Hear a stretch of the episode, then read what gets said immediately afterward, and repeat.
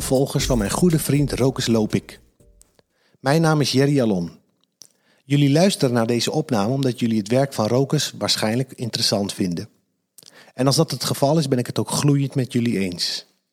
Want of je nu valt voor zijn schrijfsels, zijn ondernemingstalent, zijn verbindingskracht of zijn let's get it done mentaliteit, als je de kwaliteiten van Rokus bij wijze van spreken een professioneel huwelijksaanzoek zou willen doen, dan zeg ik meteen ongezien dat ik in dat geval zeer zeker jullie getuige wil zijn. Ook zeg ik er meteen bij: hier wordt getrouwd om goede redenen. De huwelijksmetafoor terzijde, inmiddels ken ik Rokus exact tien jaar. Overigens ontmoeten wij elkaar in voor mij niet heel rooskleurige tijden. Daarom heb ik nu jaren later niet heel erg scherpe herinneringen aan het moment dat ik Rokus voor het eerst tegenkwam. Wel herinner ik me nog dat het was op het Voerka-plateau in Utrecht-Lunette, waar de destijds SBWU hetende en inmiddels Lister gedoopte RIBW nog steeds huist. Ook weet ik nog dat Rokus ons kwam vertellen over het veel te waanzinnige plan voor een reis dat hij met zijn partner in crime, Harry Gras, had bedacht. Inmiddels zijn we dus een decennium verder. Een decennium dat ik met alle gemak mijn Decade of Recovery noem. En wat me nog heel scherp voor de geest staat, is dat Rokus daarin een van de allerbelangrijkste bijrollen heeft gespeeld. Zo belangrijk zelfs dat als ik in de jury van de Recovery Academy Awards zat, dat niemand mij zou kunnen omkopen om op iemand anders dan op Rokus Lopik te stemmen.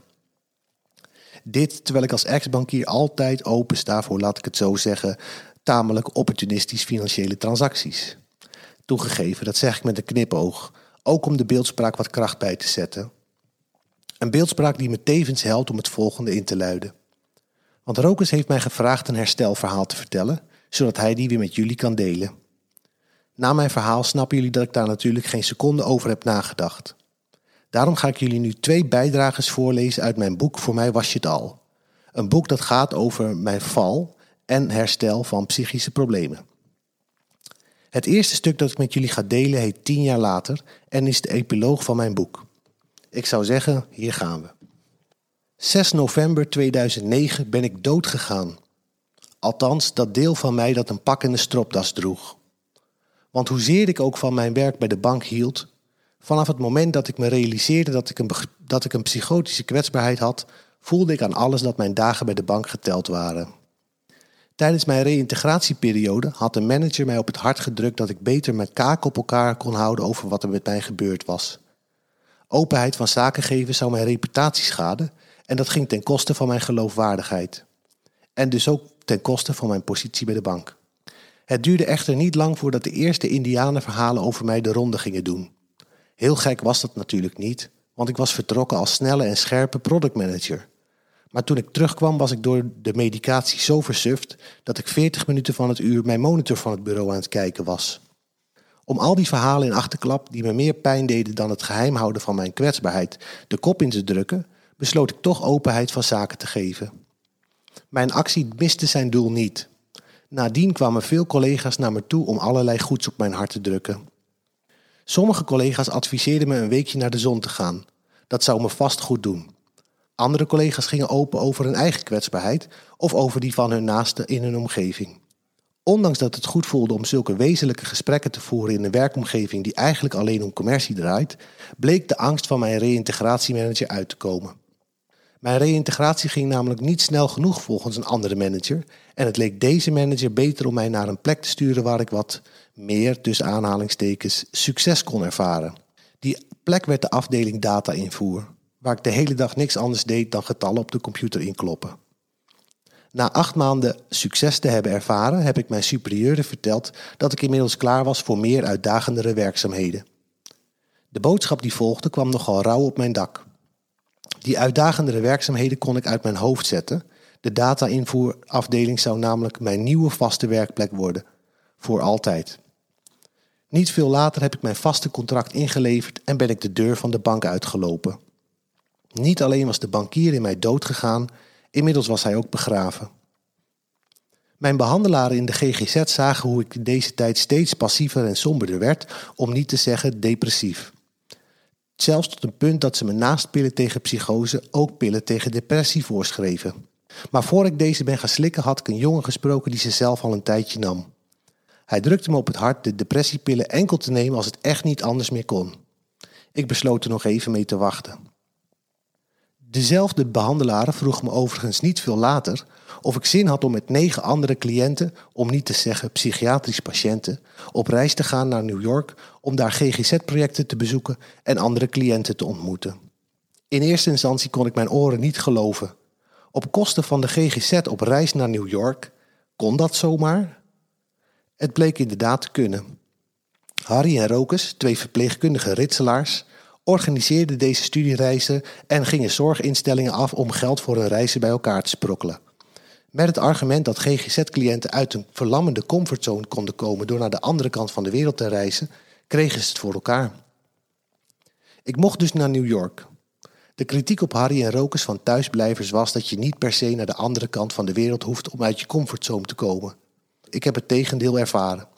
Want in New York heb ik een ervaring opgedaan die ik in Nederland nooit had kunnen opdoen en die achteraf gezien erg belangrijk was in het omkeren van mijn neerwaartse trend. Want het was in New York, waar zorgvoorzieningen voor mensen met GGZ-problematiek erg beperkt zijn, dat ik mij realiseerde dat onze overmanagede geestelijke gezondheidszorg ook een schaduwkant had. Er is in Nederland namelijk zoveel zorg dat cliënten van de GGZ binnen no time gehospitaliseerd raken. Dat wil zeggen dat ze zo gaan leunen op de zorg dat ze lijken te vergeten hoe ze onafhankelijk van die zorg moeten leven. In New York luisterde ik ook naar Richard, een man van pakweg 50 die in een lezing haarfijn uitlegde hoe hij passief en somber raakte. Iets dat ik maar al te goed begreep op dat moment. Richard had zeven psychoses doorgemaakt en ook drie opnames voor depressies gehad. Voor de angst dat dit mij ook kon overkomen tot mij doordrong, vertelde Richard wat hem geholpen had om zijn herstelproces te beginnen. Een overigens succesvol herstelproces. Want Richard gaf les op de universiteit, had een goedlopend consultancybureau opgericht en was tevens leider van een band met psychiatrische patiënten waarmee hij het hele land doorkruiste. Richard zei ons dat zijn hele herstelproces begonnen was toen hij stopte met het stigmatiseren van zichzelf. Ik snapte precies wat Richard bedoelde. Ook ik zei alle dagen van de week tegen mezelf dat ik een psychiatrisch patiënt was geworden die niets meer kon, geen liefde meer zou kennen en feitelijk enkel nog op de dood aan het wachten was. Door het verhaal van Richard begreep ik dat ik ook aan het hospitaliseren was en dat ik, net als Richard, moest stoppen met het stigmatiseren van mezelf.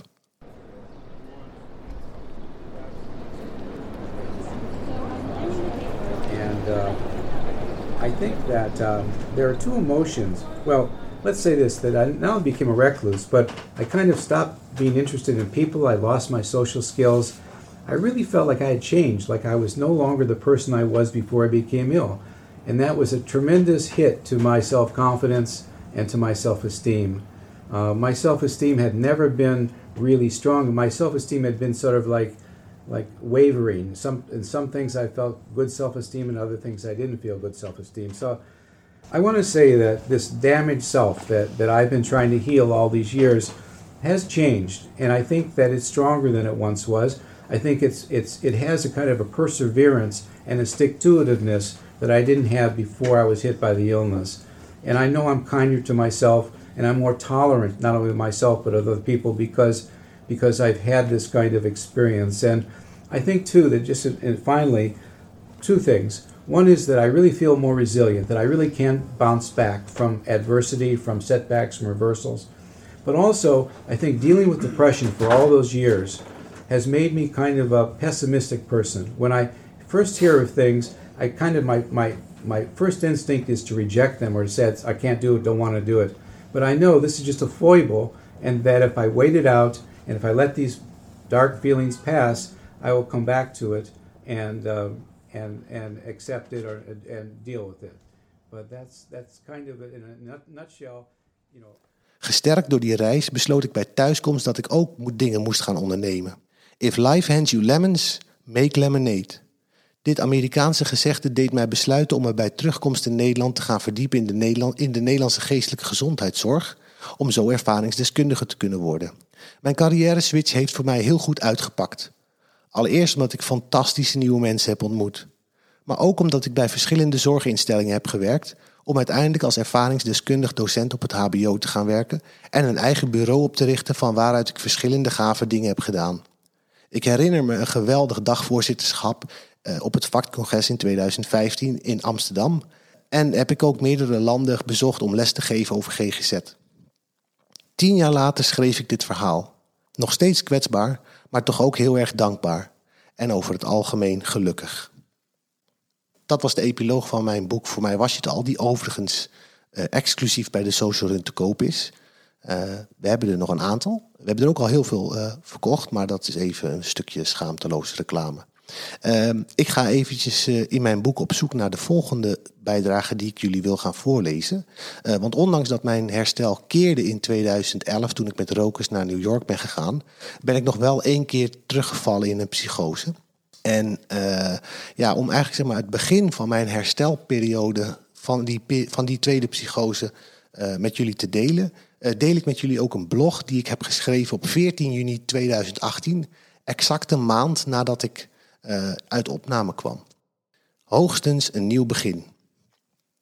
Vorige week kreeg ik een nieuw contract van topwerkgever Hogeschool Utrecht door mijn brievenbus gedrukt. Het is natuurlijk altijd fijn om het vertrouwen in je professionele vaardigheden verlengd te zien, maar deze keer was dat extra, extra fijn. In verband met een flinke psychotische ontregeling en een vrijwillige opname was ik het vertrouwen in mezelf en mijn toekomst de afgelopen periode namelijk behoorlijk kwijtgeraakt. Want ruim 8,5 jaar nadat ik voor het eerst van de spreekwoordelijke geestelijke ladder afkletterde, was het op in april voor de tweede keer goed mis. Du moment dat het gebeurde had ik allerlei verklaringen voor het psychische onheil dat mij overkwam. Het waren zij, hen, Hully en Zully, jullie weten wie jullie zijn, dikke kus, die het hadden gedaan. Maar eenmaal klaar met die vingerwijzerij was ik bij mezelf geëindigd en dat was een hardere klap dan de ontregeling zelf. Echt waar, het is vreselijk te weten dat je jezelf moet aankijken terwijl je de mensen die je het meest lief hebt, gewantrouwd hebt, als ook voor rotte vis en criminelen uitmaakte.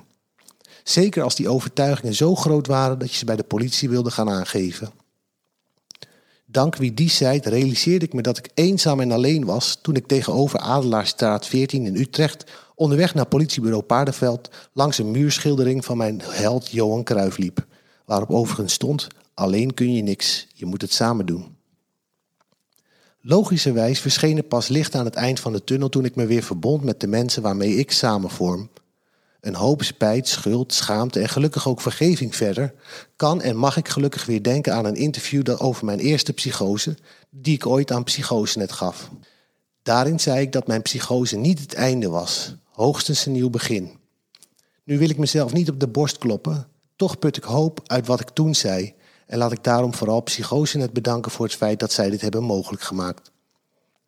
Hoewel deze psychotische episode een stuk ernstiger was dan de eerste, verloopt mijn herstel veel spoediger dan 8,5 jaar geleden. Ondanks dat ik destijds geen dierbare en familie kwijtraakte, stond deze toen wel in het teken van hevige rouw. Omdat ik met mijn baan een hele identiteit verloor. Misschien, wel, misschien zelfs wel een heel leven. Vandaag de dag is het verlies veel minder. Mijn dierbaren zijn er nog steeds en ik hoor ook nog steeds bij Hogeschool Utrecht en de Social Run. En dat familie, vrienden, kennissen, collega's en lezers en luisteraars, dat is iets waar ik intens dankbaar voor ben, zolang als ik toerekeningsvatbaar en geestelijk gezond ben. Goed, beste volgers van uh, Rokers Loop ik. Uh, ik wil jullie heel erg danken voor het luisteren naar dit uh, verhaal en naar de bijdrages die ik daarin heb gedeeld met jullie. Um, ja, ik zou zeggen, blijf vooral uh, Rokers volgen. Um, want Rokers doet altijd interessante dingen. Ook met het podcasten waar hij nu mee is begonnen. Dat is uh, super interessant. En ik ben ook heel blij dat ik daar ook weer een klein deeltje aan mag bijdragen. Um, ja, nogmaals heel erg dank voor het luisteren. En allicht dat we elkaar nog eens een keer tegenkomen. Tot ziens.